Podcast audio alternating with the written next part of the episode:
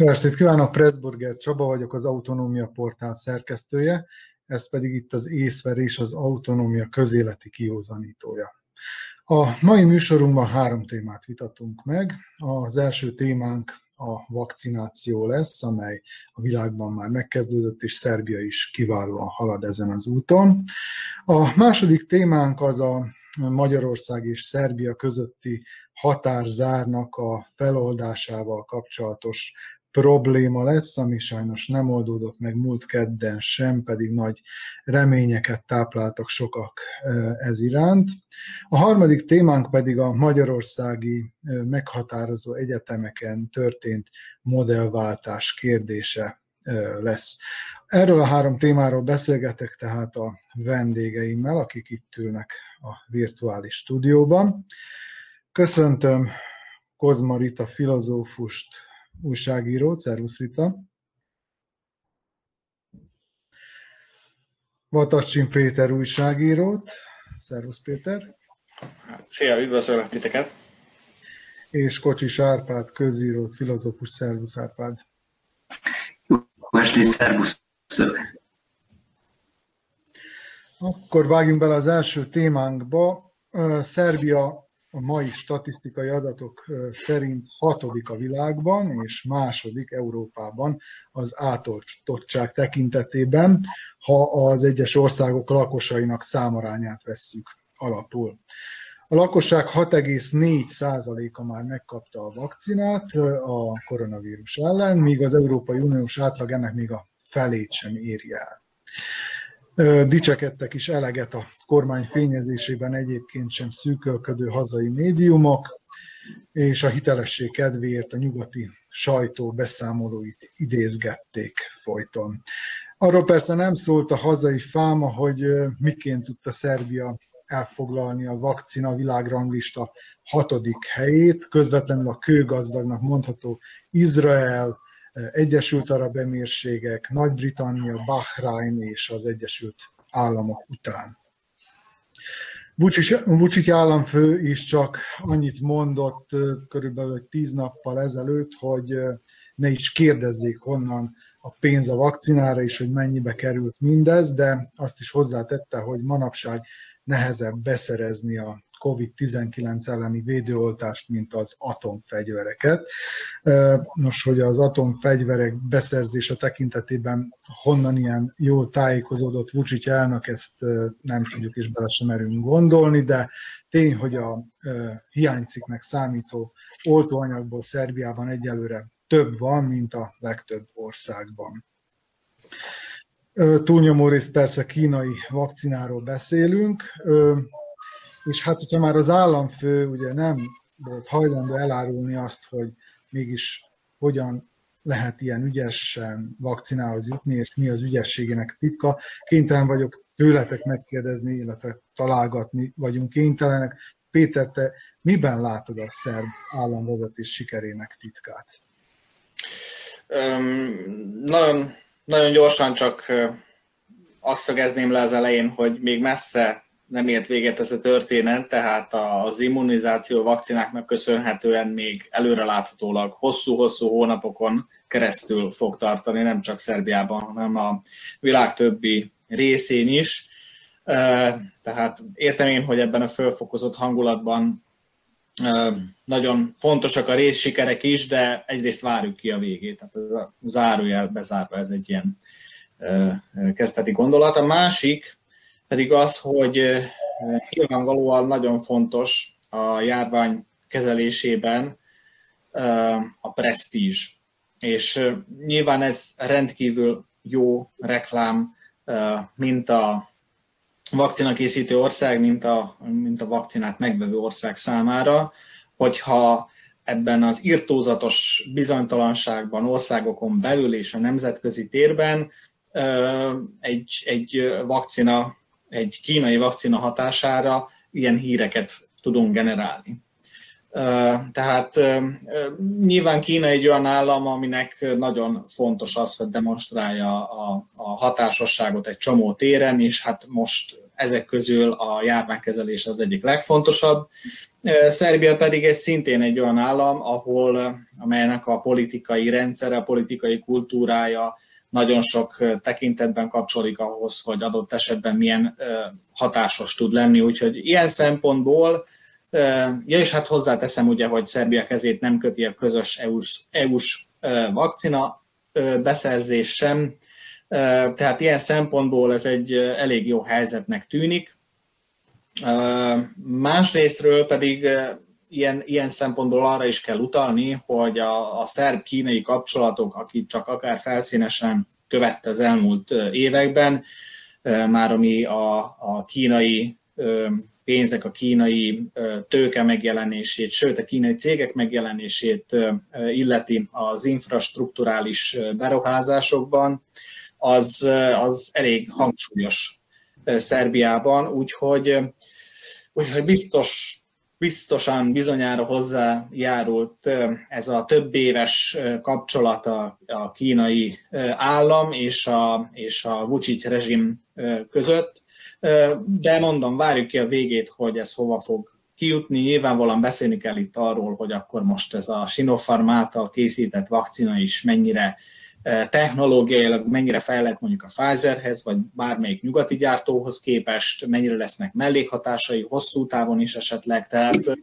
gyanítom, hogy egy év múlva is akár ez egy aktuális téma lesz, és sőt, valószínűleg sokkal több tanulságot le tudunk majd belőle vonni, mint ebben a pillanatban. Uh-huh. Oda jutottunk, hogy Magyarország, illetve maga Orbán Viktor is Szerbiával példálózott, hogy hát ime itt Szerbiában milyen jól haladnak a dolgok, és tulajdonképpen picit, hogy is mondjam, visszás is volt az a kijelentése, ami arra utalt, hogy hogy gyakorlatilag Magyarország úgy tekint Szerbiára, mint egyfajta laboratóriumra, mint korábban Ausztriára tekintett, csak más viszonylatban. Most Szerbia a kísérleti hely, ahol ha bejön ez a kínai dolog, akkor miért ne lehetne Magyarországon is kipróbálni. Ugye Magyarország is berendelt egy csomót. Kérdés, hogy mikor érkezik meg, és milyen ütemben tudják azt is beadni. Rita, itt a szerbiai helyzettel kapcsolatban itt az egyik tudósító, külföldi tudósító úgy fogalmazott, hogy a Szerbia geopolitikai érdekek mentén történő egyensúlyozása úgy látszik, hogy kifizetődő ilyen kritikus pillanatokban, mint ez a mostani. De hogyan látod te, mennyire lehet ez hosszú távon is kifizetődő? Meg egyáltalán mennyire egyensúlyozás az, hogy egy millió kínai vakcina van, és nyugatiból meg hát alig pár tízezer. Tehát itt igazából valamiféle hangsúly eltolódásról beszélhetünk, hogyha úgy rövid távon nézzük a dolgokat. Szóval szerinted lesz -e ennek a, ennek a nagy jobbra is, balra is nyitásnak valamilyen bőtje, úgymond? Csak egy mondat erejéig még kapcsolódnék ahhoz, amit, amit az imént mondtál, hogy, hogy hogyan reagáltak erre más sajtómédiák hogy most Szerbia tulajdonképpen egy laboratórium, vagy egy kísérleti nyúl. Ez a koronavírus szerintem igencsak különleges helyzetet teremtett most a, ebben a mai világban, méghozzá azt, hogy, az, hogy nem, nem lehet egyszerűen a fotelban hátradőlve szemlélni az eseményeket, hanem mindenkinek felelőssége van. Egyrészt saját maga irányába, másrészt a szűk környezetére is van hatása, annak, hogy hogyan cselekszik, vagy mit mond, és az egész társadalomra kihatóan. És ezért igen, csak meg kellene gondolni, hogy, hogy, hogy miket, miket mondanak a politikusok is, mert hogy tétje van annak, amit, amit mondanak. Főleg úgy, hogy tényleg nem lehetünk biztosak a vakcinának a hatásosságában. Egyelőre ugye vannak százalékok, meg valószínűleg hatásosak, de, de nincsenek még biztos válaszai a tudománynak minden kérdésre. És közben pedig ott van a nyomás, hogy az, aki, aki először tesz szert nagy mennyiségű vakcinára, vagy be tudja oltani a lakosságot, föl tudja oldani a korlátozásokat, akkor lehet, hogy ezzel valamilyen gazdasági előnyre is tesz szert talán. Legalábbis próbáltak ezzel is érvelni, hogy, hogy ezzel is biztosság a lakosságot, hogy, hogy vegye fel a vakcinát.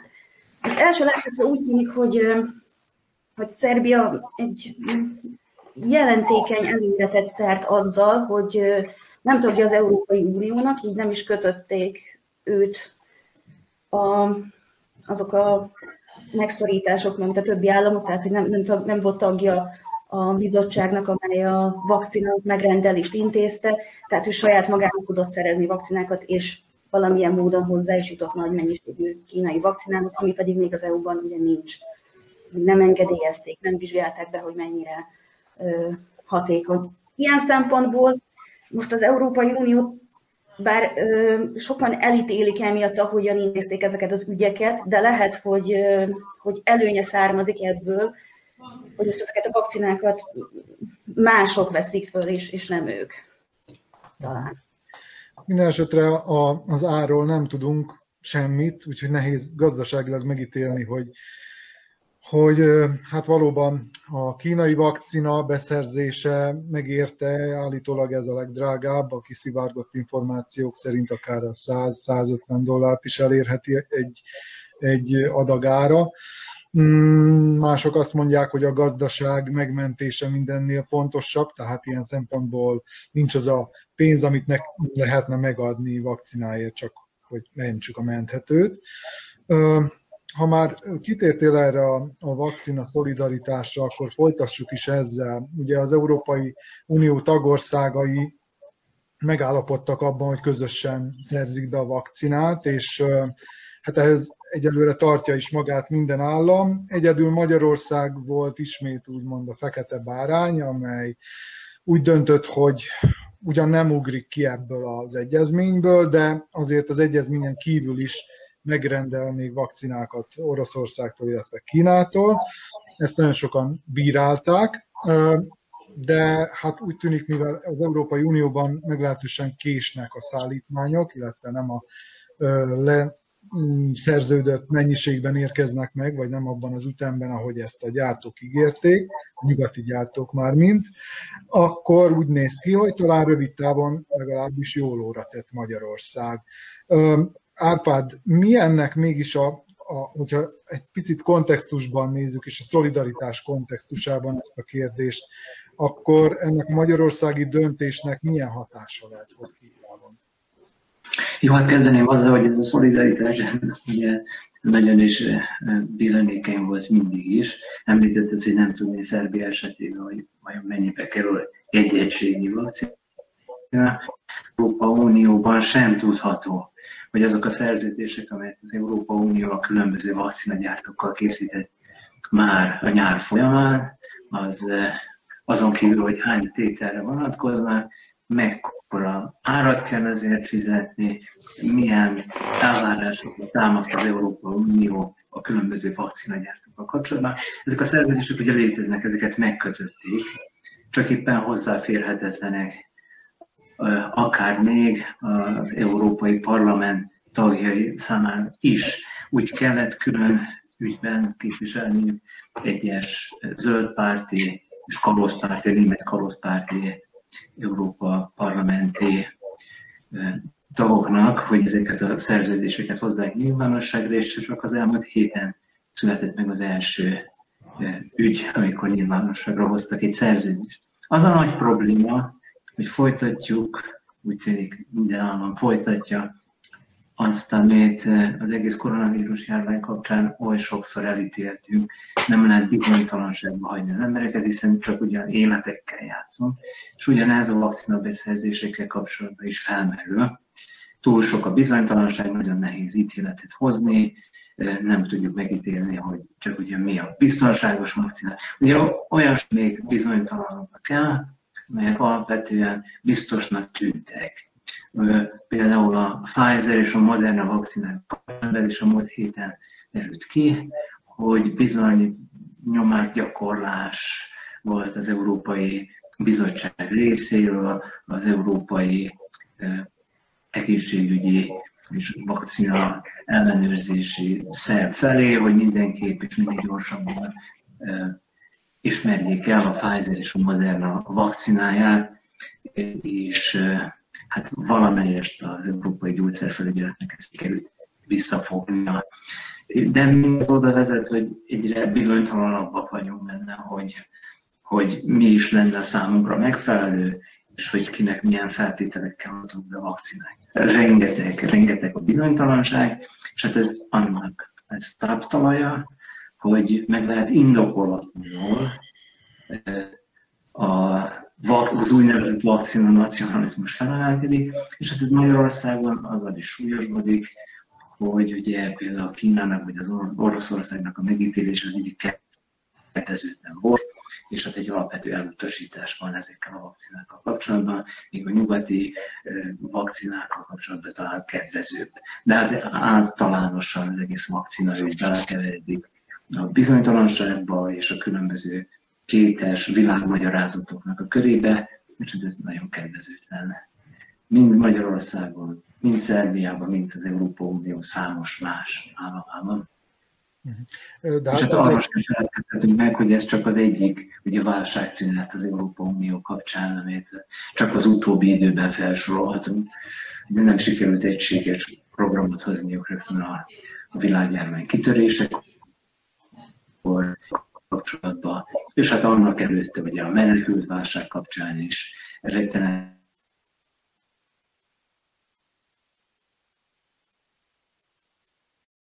hogy mégiscsak hogyan lehetne megkímélni emberek tízezreinek az életét, Számos ilyen válságszünet van, és ez csak ez a három, amit felsoroltam, hát ez még számos más egyéb mellett eltörpül, amelyek úgy tűnik, hogy időről időre ismét feldobják a fejüket.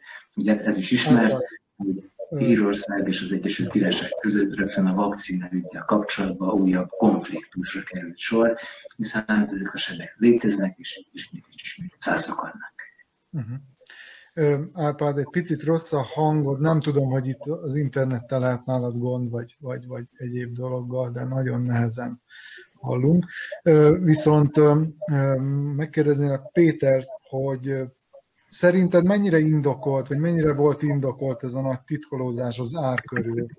Sokan, sokan azt mondták, hogy indokolható azzal, hogy tulajdonképpen, hogyha ezekkel előállnak, hogy mi mennyibe kerül, akkor maguk a, a gyógyszergyártók lesznek kénytelenek magasabb árat meghatározni, hiszen így most tudják úgymond titokban a különböző megrendelők felé különböző ár, áron eladni a vakcinájukat, és mondjuk az Európai Unió azért is tudta lealkudni ezt az árat, mert egy nagy piacról van szó. Tehát ugye nem átlátható a dolog, bár kiszivárgott, mert megszokták az Európai Unióban, hogy az ilyesmit így közzé kell tenni, és valaki, valamelyik pénzügyminiszter azt hiszem ki is tette a Twitterre egy pár másodpercig vagy percig, akkor szóltak neki, hogy szedje le, de hát persze addigra már mindenki tudta, hogy mennyiért rendelt az Európai Unió vakcinát, azt se zárhatjuk ki, hogy mindez szándékos volt. Tehát a kérdés az, szerinted indokolt volt-e ez a titkolózás az ár körül, vagy a transzparencia mindenek fölötti? Hát ez rendkívül nehéz kérdés az, amit az először mondtál. Én is azt, azt, azt boncolgattam volna. Um, nyilvánvalóan nagyon, nagyon nehéz, és még csak arról beszélnék a, a, a bizonytalanságról, hogy egyszerűen nem lehet tudni, hogy itt melyik információ, vagy egyes államoknak, vagy cégeknek melyik lépése mit vált ki. Ugyanakkor, amit említettél, és tehát engem alkatilag eleve idegesít a, a transzparencia hiánya, pláne egy ilyen ügyben. Másrészt azért lehet információszivárgások alapján tudni, hogy, hogy nagyjából mi itt a helyzet. Tehát például Izrael a, az EU-hoz képest tehát több mint az EU-s másfél szeresét fizeti a vakcinákért, és nem hiszem egyébként, hogy, hogy ez a gyártókra a titkolózás akkora hatással lenne, hiszen gyakorlatilag ők megkapják ezt az összeget, amit, amit kialkudnak az államokkal. És hát vannak olyan értelmezések, hogy az Európai Unió tagállamai éppen azért küzdködnek a beszerzésekkel, mert hát ha egy adott vakcináért fizetnek 12 eurót, még, még a cég ezt megkapja Izrael esetében 19 és félért, hát akkor a, a piac vas törvényei szerint világos, hogy kit fog hamarabb kiszolgálni. Tehát én nem gondolnám, hogy ez az árakra olyan hatással van, találgatni lehet csak. Eléggé, eléggé furcsa az a titkolózás is, ami a kínai vakcinát övezi. Szijjártó Péter, magyar külgazdasági és külügyminiszter legutóbb a a, hát most így mondom, a, a mostani X-indexnek adott interjújában nem volt hajlandó az árról beszélni, azzal takarózott, hogy semmi sem olyan, olyan drága, mint az elveszett emberélet. Nem tudtuk ezt kideríteni Szerbiában sem. Inkább talán arról lehet szó, hogy, hogy ezek a tételek elképesztő tételek tudnak lenni, és, és ezért nem akarják őket elárulni. De, de igazából csak találgatni tudunk minnyáján, de nem tartom kizártnak, hogy, hogy idővel, idővel sokkal tisztábban fogunk látni ebben a kérdésben is. Rita, itt Péter már említette azt, hogy, hogy ugye azzal, hogy az Európai Unió lealkutta az árat, tulajdonképpen azt ért el, hogy hát más piacokra lökődött az első néhány vakcina kontingens, tehát olyan államokhoz, amelyek többet voltak hajlandók fizetni érte. Szerinted is naivitás volt ez az Európai Bizottság részéről, tehát hogy nem számolt ezzel az eshetőséggel, hogy így majd később kapnak, vagy később juthatnak csak hozzá oltóanyaghoz, vagy, vagy esetleg hosszú távon megtérülhet ez a döntés, amire, aminek rövid távon ilyen negatív hozadékai vannak. Bevallom, engem ez eléggé meglepett, hogy az áron alkudozott az Európai Unió, mert igazából ezt magam sem értem, hogy, hogy ezt miért csinálta pont egy ilyen kérdés esetében, mint a vakcina, hogyha hát valóban tényleg naivitás azt gondolni, hogy akkor ezzel nem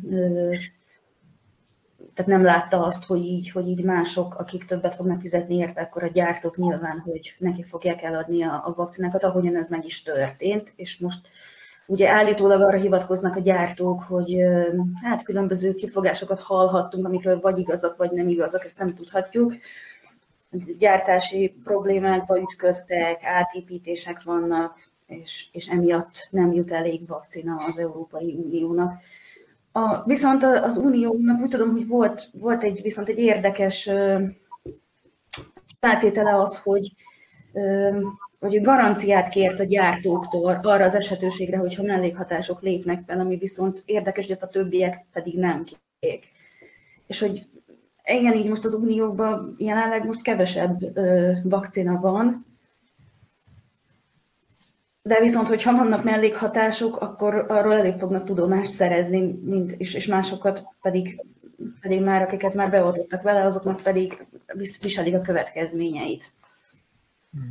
Akármilyen súlyos is, de ezt látom most így hirtelen.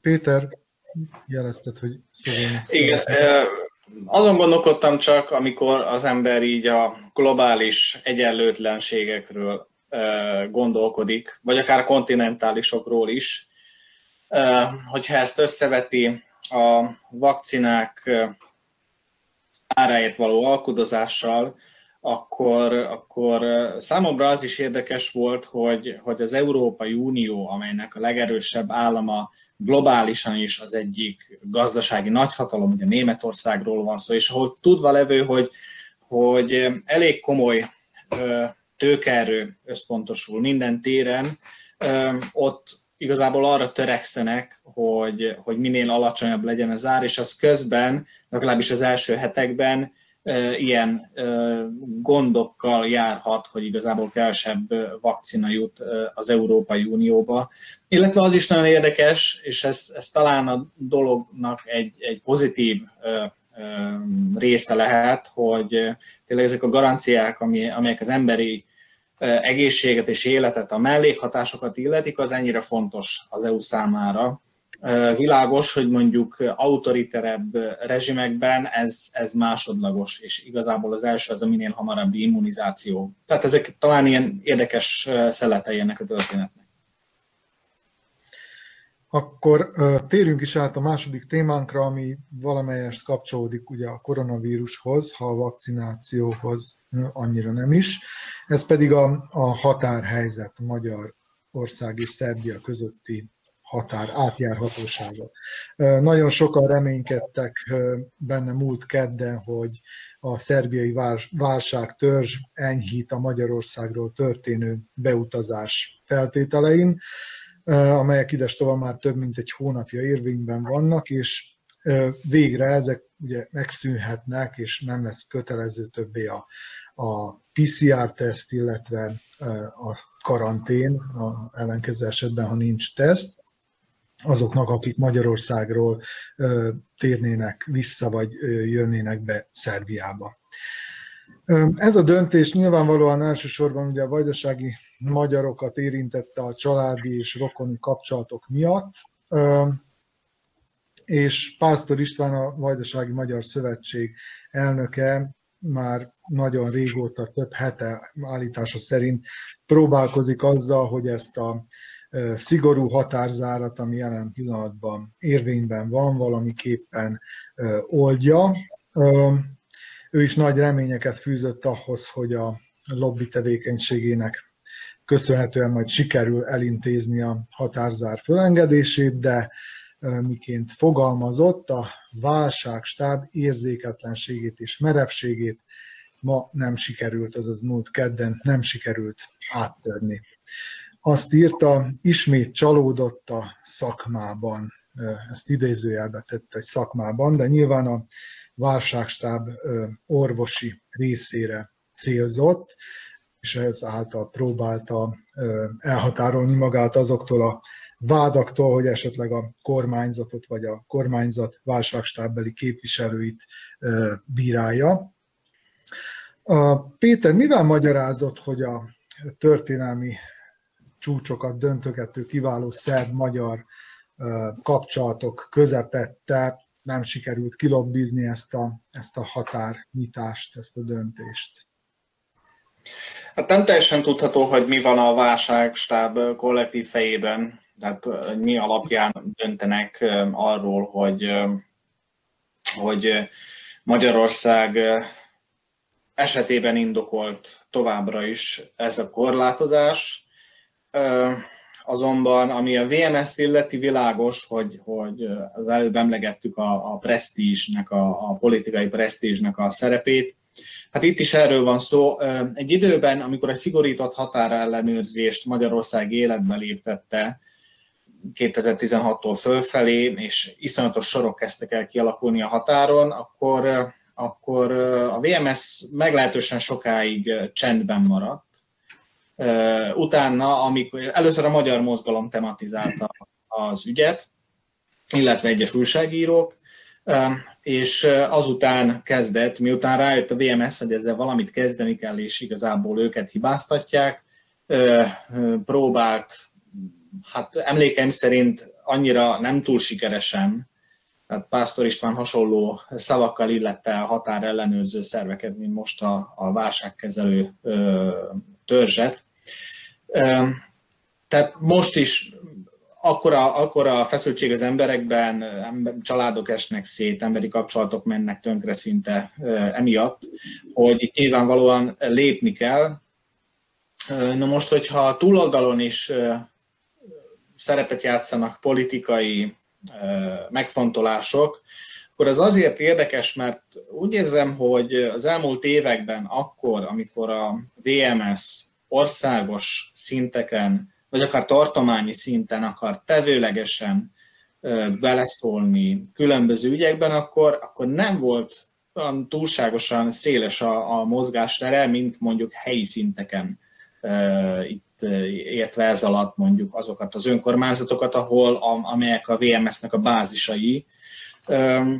Lehet ez, lehet ez azért pusztán a, a politikai rendszer egyenlőtlenségei miatt, tehát a VMS tör, törpepárt Szerbiában, illetve ez fakadhat abból is, hogy a, a szerbiai államot minden téren kontrolláló szerb haladó párt ilyenkor, ilyenkor úgy van vele, hogy igazából itt most egy törpepárt, miért, miért beszéljen nekünk. Volt ilyen 2016-ban például, amikor Pásztor István a sajtó előtt kezdett el arról mérlegelni, hogy be kéne venni a, a ligát is a tartományi koalícióba, és Igor Mirovic visszakézből gyakorlatilag földbe döngölte őt a nyilatkozatával. Tehát ez is egy olyan stratégiai jellegű és, és, és egy fontos, és egyértelműen a szerb haladó párt kompetenciájába tartozó lépés volt, ahol, ahol, ahol a VMS politikai súlyánál fogva nem sok keresni valója volt. Nem lennék meglepődve, hogyha lenne valami ilyesmi most is valahol az erőtérben, ez egy a lehetőségek közül, másik pedig, másik pedig az, hogy nyilvánvalóan itt, itt valahogyan járványügyi mutatókra jön ki ilyen eredmény, holott nem biztos, ez, ez viszont itt van, hogyha más balkáni államokkal összevetjük a fertőzöttségi arányokat, akkor ez indokolt. Uh-huh.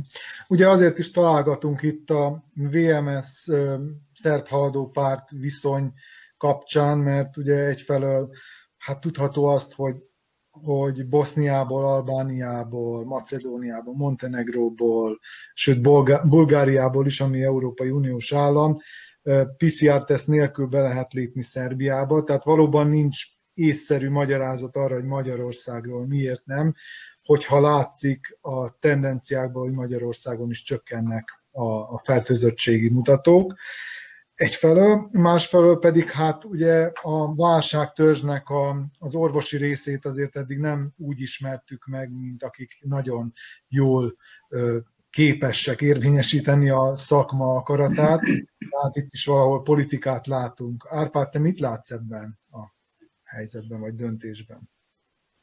Igen, csak olyan én is el szeretném kerülni, hogy találgassak a kérdésbe, és egyedül azt látom biztosnak, hogy csak ugyan tűnik, hogy Pásztor István a válságtörzs orvosi felének véleményét túlértékeli. Úgy tűnik, hogy az elmúlt 10-11 hónapban éppen nem az orvosi rész volt, aki döntéseket meghozta. Az az igazság, hogy nem tudjuk a mai napig, hogy a legfontosabb kérdésekbe meg a döntéseket. Ez például jól látható az Insider műsor három részes koronavírus járványa kapcsolatos e, összeállításából, amely műsor mindenkinek ajánlok a figyelmébe, és többek között kiderül, hogy azokon a bizonyos esetekben, amikor a legnagyobb baj volt Szerbiában, akkor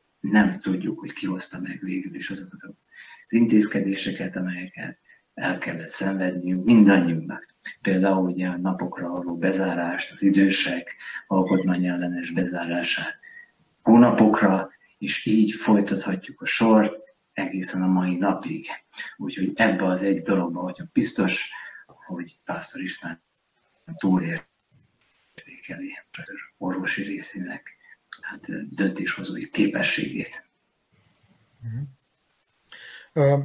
Rita, te Szegeden élsz, és hát gondolom jobban rálátsz arra, hogy mit jelent ez a Szegeden élő vajdaságiak számára, hogy nem tudnak, amikor akarnak hazajönni a környezetedben, vagy akár téged is, mennyire érint ez, a, ez, a, ez az ügy?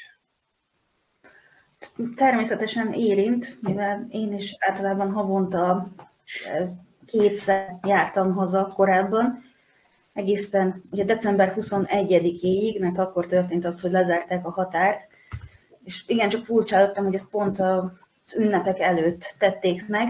Az az érdekes, hogy nem tudom, emlékeztek-e rá, de pont volt egy hasonló eset tavaly áprilisban, azt hiszem áprilisban volt, amikor újból megnyitották volna a határt, és erről meg is egyeztek a külügyminiszterek, és most nem emlékszem, hogy pénteken volt, vagy, vagy másnap nyitották meg a határ, de a lényeg az, hogy a, a szerb határőrök mégsem engedték át a, a magyarokat a határon, hanem, hanem kéthetes karantént kaptak, vagy nem is emlékszem már akkor mennyi volt.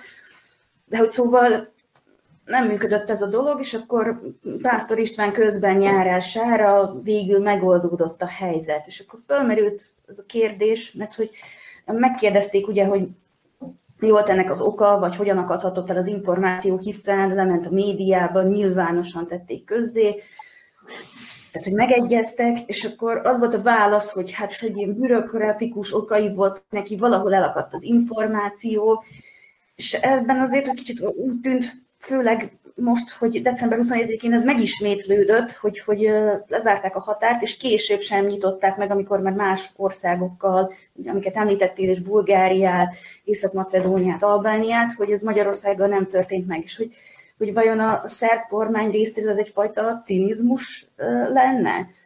És akkor az, még, még az is megfordult a fejemben akkor ott karácsony előtt, hogy karácsonyra meg fog nyílni a határ, és, és hogy majd ismét Pásztor István, vagy a VMS úgy fog ebben a szerepben mint egy megmentőként fog tetszelegni, de végül az nem következett be.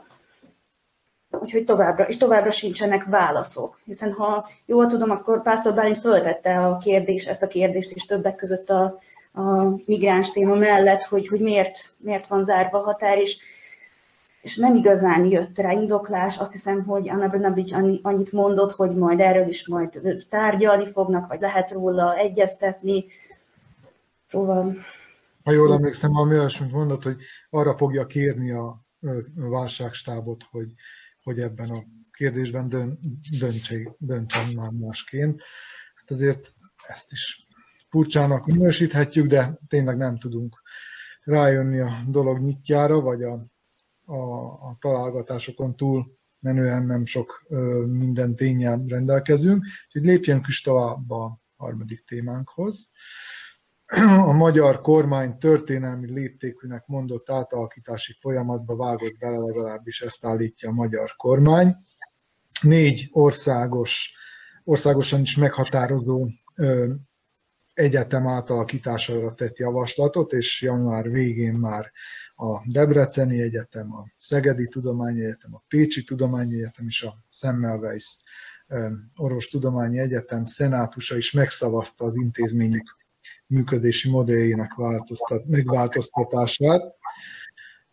Ez gyakorlatilag annyit jelent, hogy az egyetemek többé nem közvetlen állami fenntartású intézmények lesznek, hanem közvetettek, az, az egy vagyonkezelő alapítványhoz kerülnek át, és ez fogja majd a gazdálkodásukat irányítani, pénzzel úgymond bánni.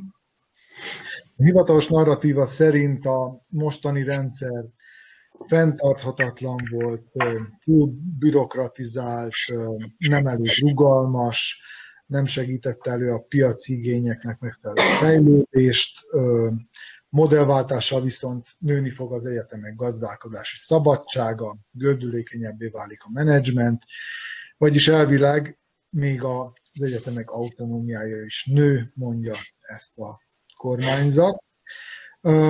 És hát ez a fajta modell már eddig is több Magyarországi Egyetemen jelent. Volt, akár csak nyugaton is találunk erre a fennállási formára példát.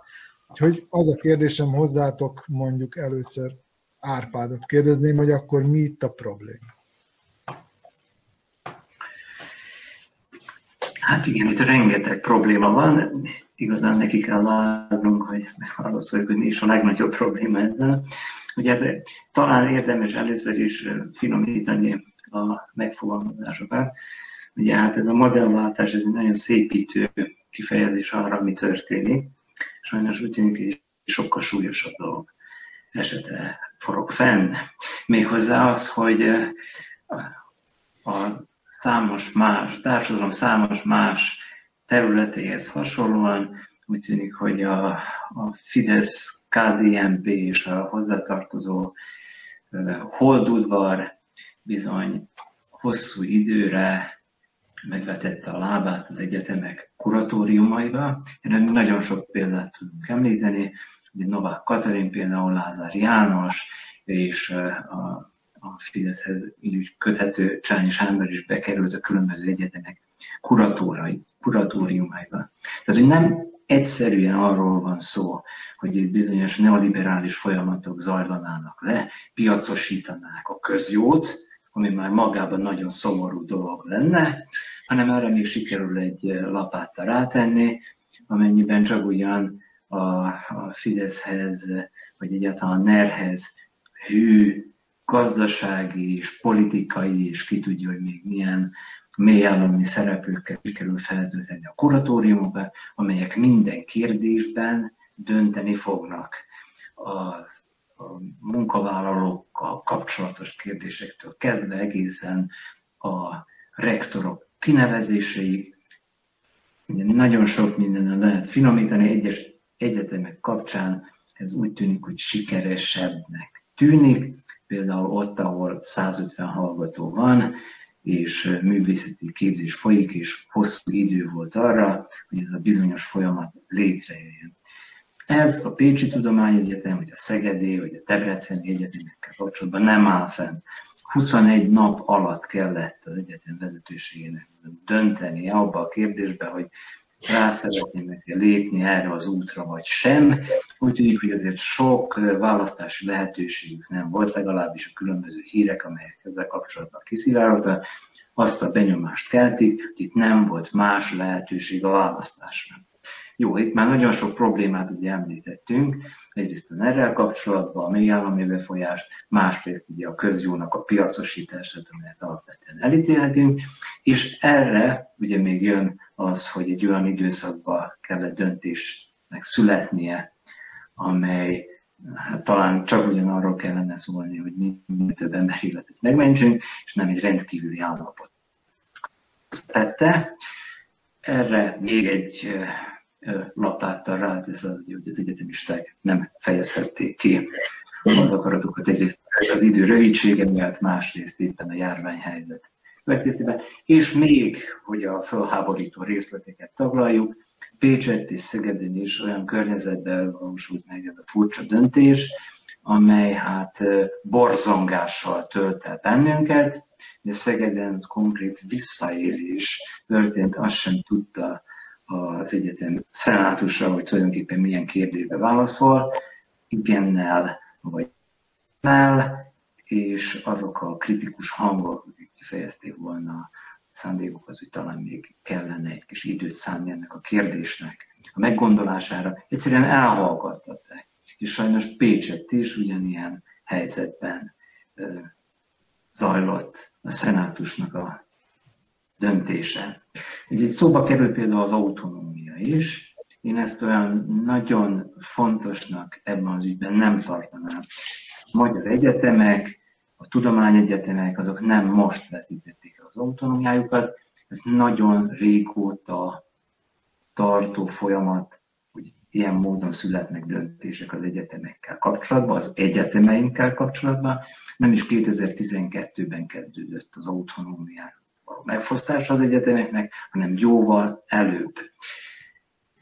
És azt is mindenképp érdemes még megjegyezni, hogy egyedül abban bízhatunk, hogy az egyetemisták nem fáradnak bele a küzdelembe, hogy lesznek még olyan emberek, akik csak ugyan a közjót úgy értelmezik, ahogyan talán szerencsés lenne, hogy mindenki hozzáférhessen a tudásjavakhoz, és hát ebbe kell bíznunk, hogyha csak ugyan a járványhelyzet is megengedi, akkor az egyetemisták tüntetni fognak, mint hogy oly szép példát mutattak a budapesti színész hallgatók és rendező hallgatók.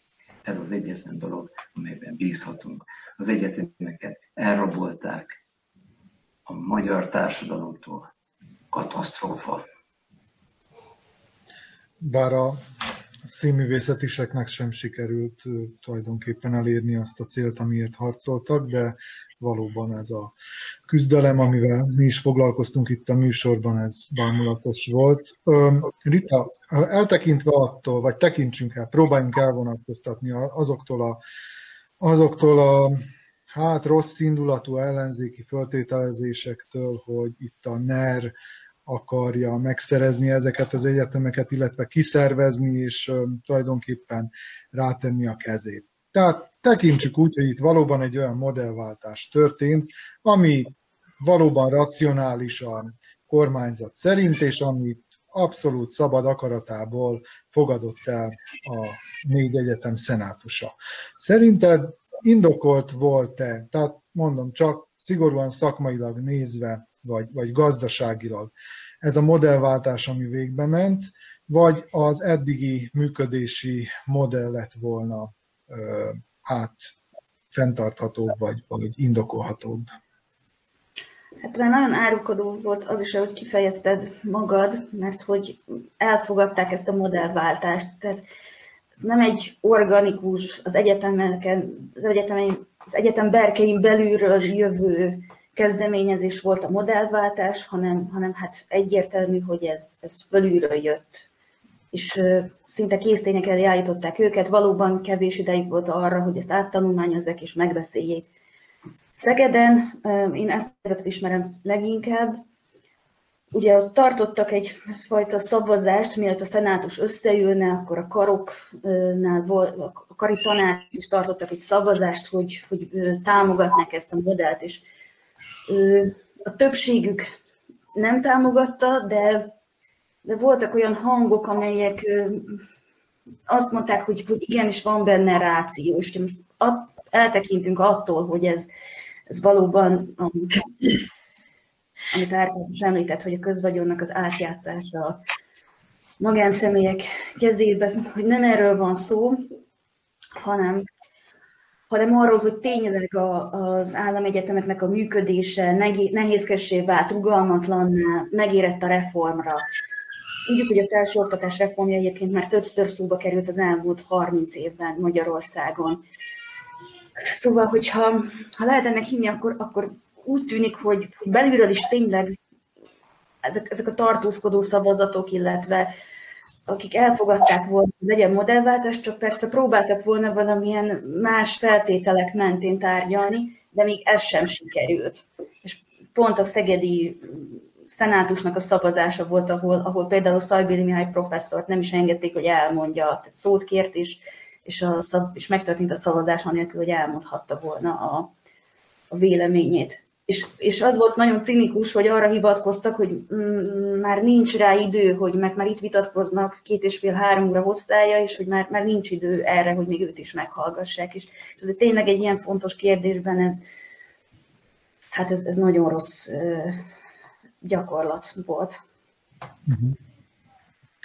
A szenátus szenátusok ezt mind a négy egyetem esetében megszavazták, azzal, hogy két egyetemnél, a Semmelweisnél és a Debreceninél ez tényleg csont nélkül átment.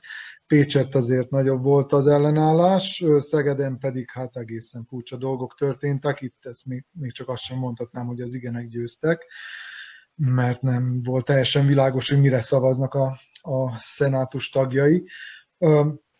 Péter, szerinted mi vitte rá a, a szenátust, hogy végül is akárhogy forgatjuk, de elfogadjon egy ilyen modellváltást ilyen rövid idő alatt, és ahogy Rita is mondta, nyilvánvalóan nem a, az egyetemektől indult ez a gondolat, hogy ezt a modellváltást végre kellene hajtani.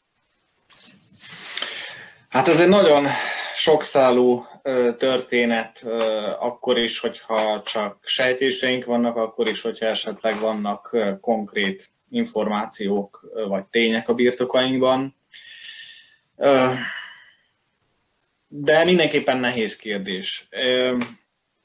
Számomra az a, az a döbbenetes most itt a nagy vidéki egyetemek modellváltása kapcsán, hogy tudom, hogy itt most járványhelyzet van, hogy az embereknek millió egy gondja van az értelmiségnek, de annak ellenére, hogy mondjuk a CEU és az SFE kapcsán nagyon helyesen azért volt egyfajta diskurzus vihar az értelmiség részéről, és sokszor az látszott azért a pártállástól függetlenül is, már inkább, inkább ideológiától függetlenül, már aki mondjuk a Fideszes holdudvarnak a része, az, az teleszájjal fújta a CEU és az SZF ellen azt, amit fújnia kellett. De, de döbbenetes volt így most a, a vidéki tudományegyetemek kapcsán, hogy tényleg rendkívül fontos regionális szerepet betöltő és jó esetben a közjót szolgáló egyetemekről van szó, és hogy az értelmiség annyira nem reagált olyan, olyan hévvel, ami szerintem elvárható lett volna. Hát ennek nyilvánvalóan vannak társadalomtörténeti okai is, vannak jelenbeli okai is, ami mondjuk ugye nagyon sok szó esett a, a modellváltás kapcsán a, az egzisztenciákról, a megélhetésről, és beígértek egy 215%-os fizetésemelést. Másrészt azért az, az is látható, vagy érezhető a szenátus ülések kapcsán, hogy nem minden szereplő érdektelen ebben a történetben. Van, aki érzésem szerint arra, arra vár, hogy neki egyszerűen így, így jobb lesz, hogyha ebbe, ebbe beleáll. Vannak, voltak a szenátusban olyan, olyan tagok is, akik bizonyíthatóan kötődnek a Fideszhez.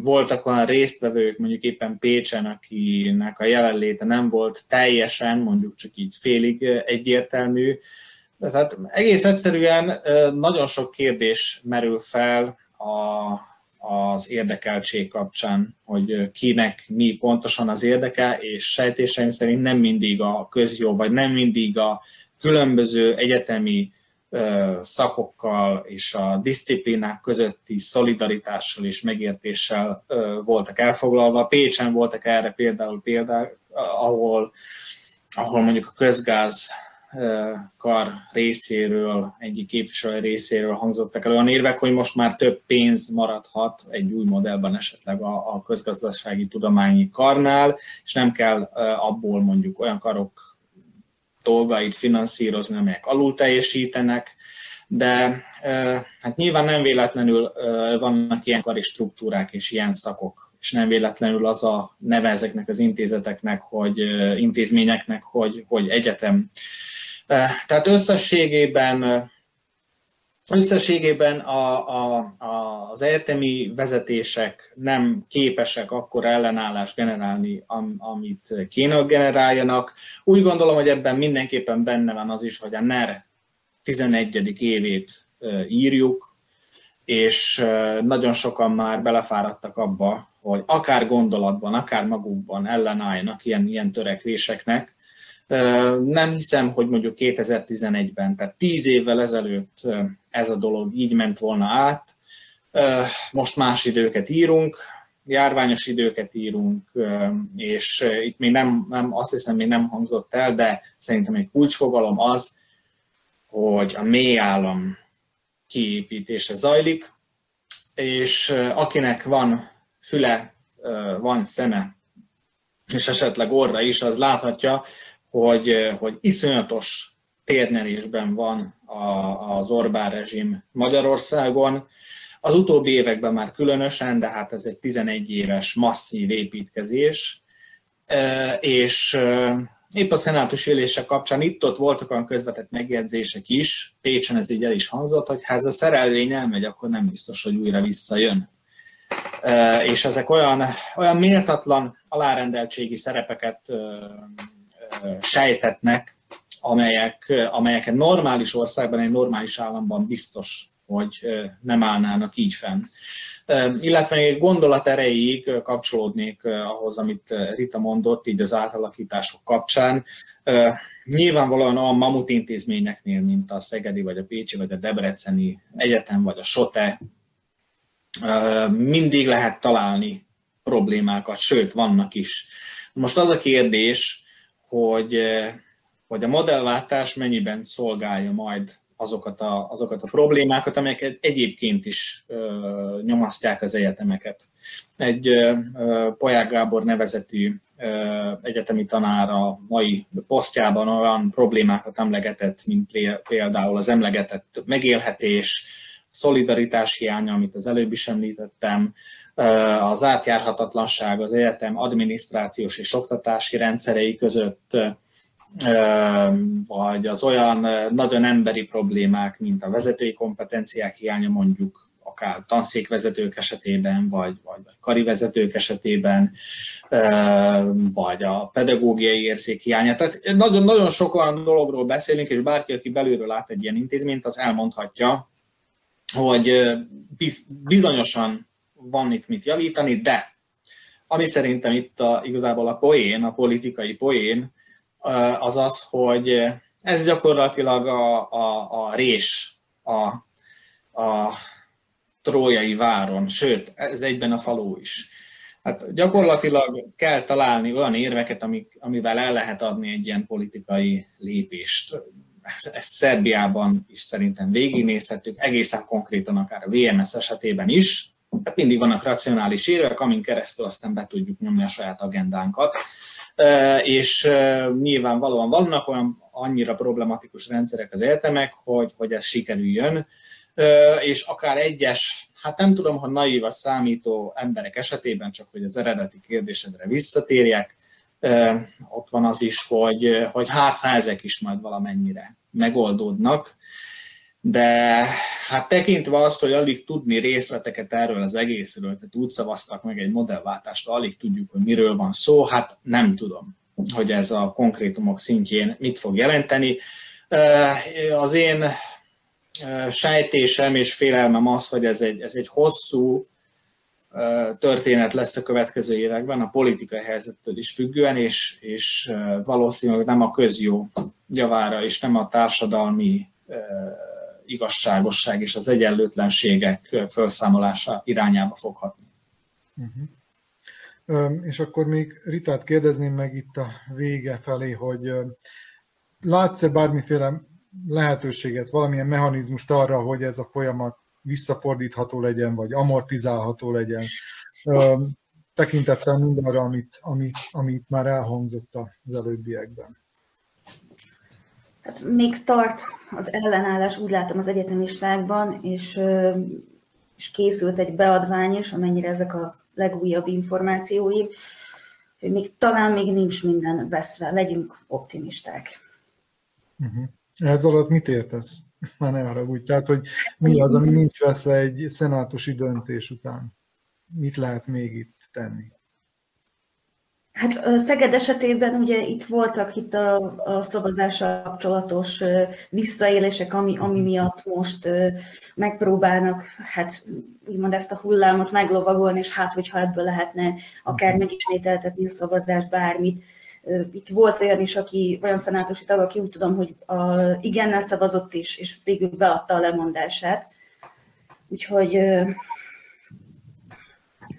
ezért mondtam, hogy reménykedünk. Uh-huh. Tehát Szegeden még akár lehet is remény. Árpád, még csak egy rövid válasz erejéig, bár a kérdés az valószínűleg egy hosszabb választ indukálhatna, de uh, amiről beszélt itt Péter, a mély állam uh, és az, hogy a, a Fidesz itt, itt próbálja, ahol csak tudja kimenteni a hatalmát, Szóhat ez arról is, hogy bizonytalanok a 22-es választás megnyerésében? Tehát, hogy minél több helyen, minél több olyan pozíciót megszerezzenek, amelyet majd a kormányzati hatalom nélkül is tudnak irányítani?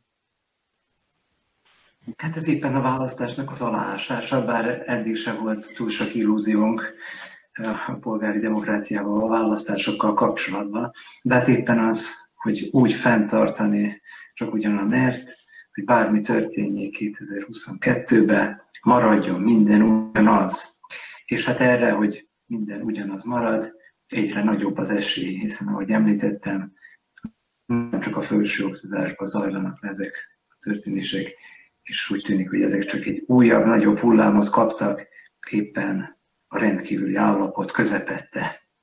Úgyhogy ez, ez, a, ez a cél, fenntartani akkor is 2022-ben éppen a Fidesz kikapna.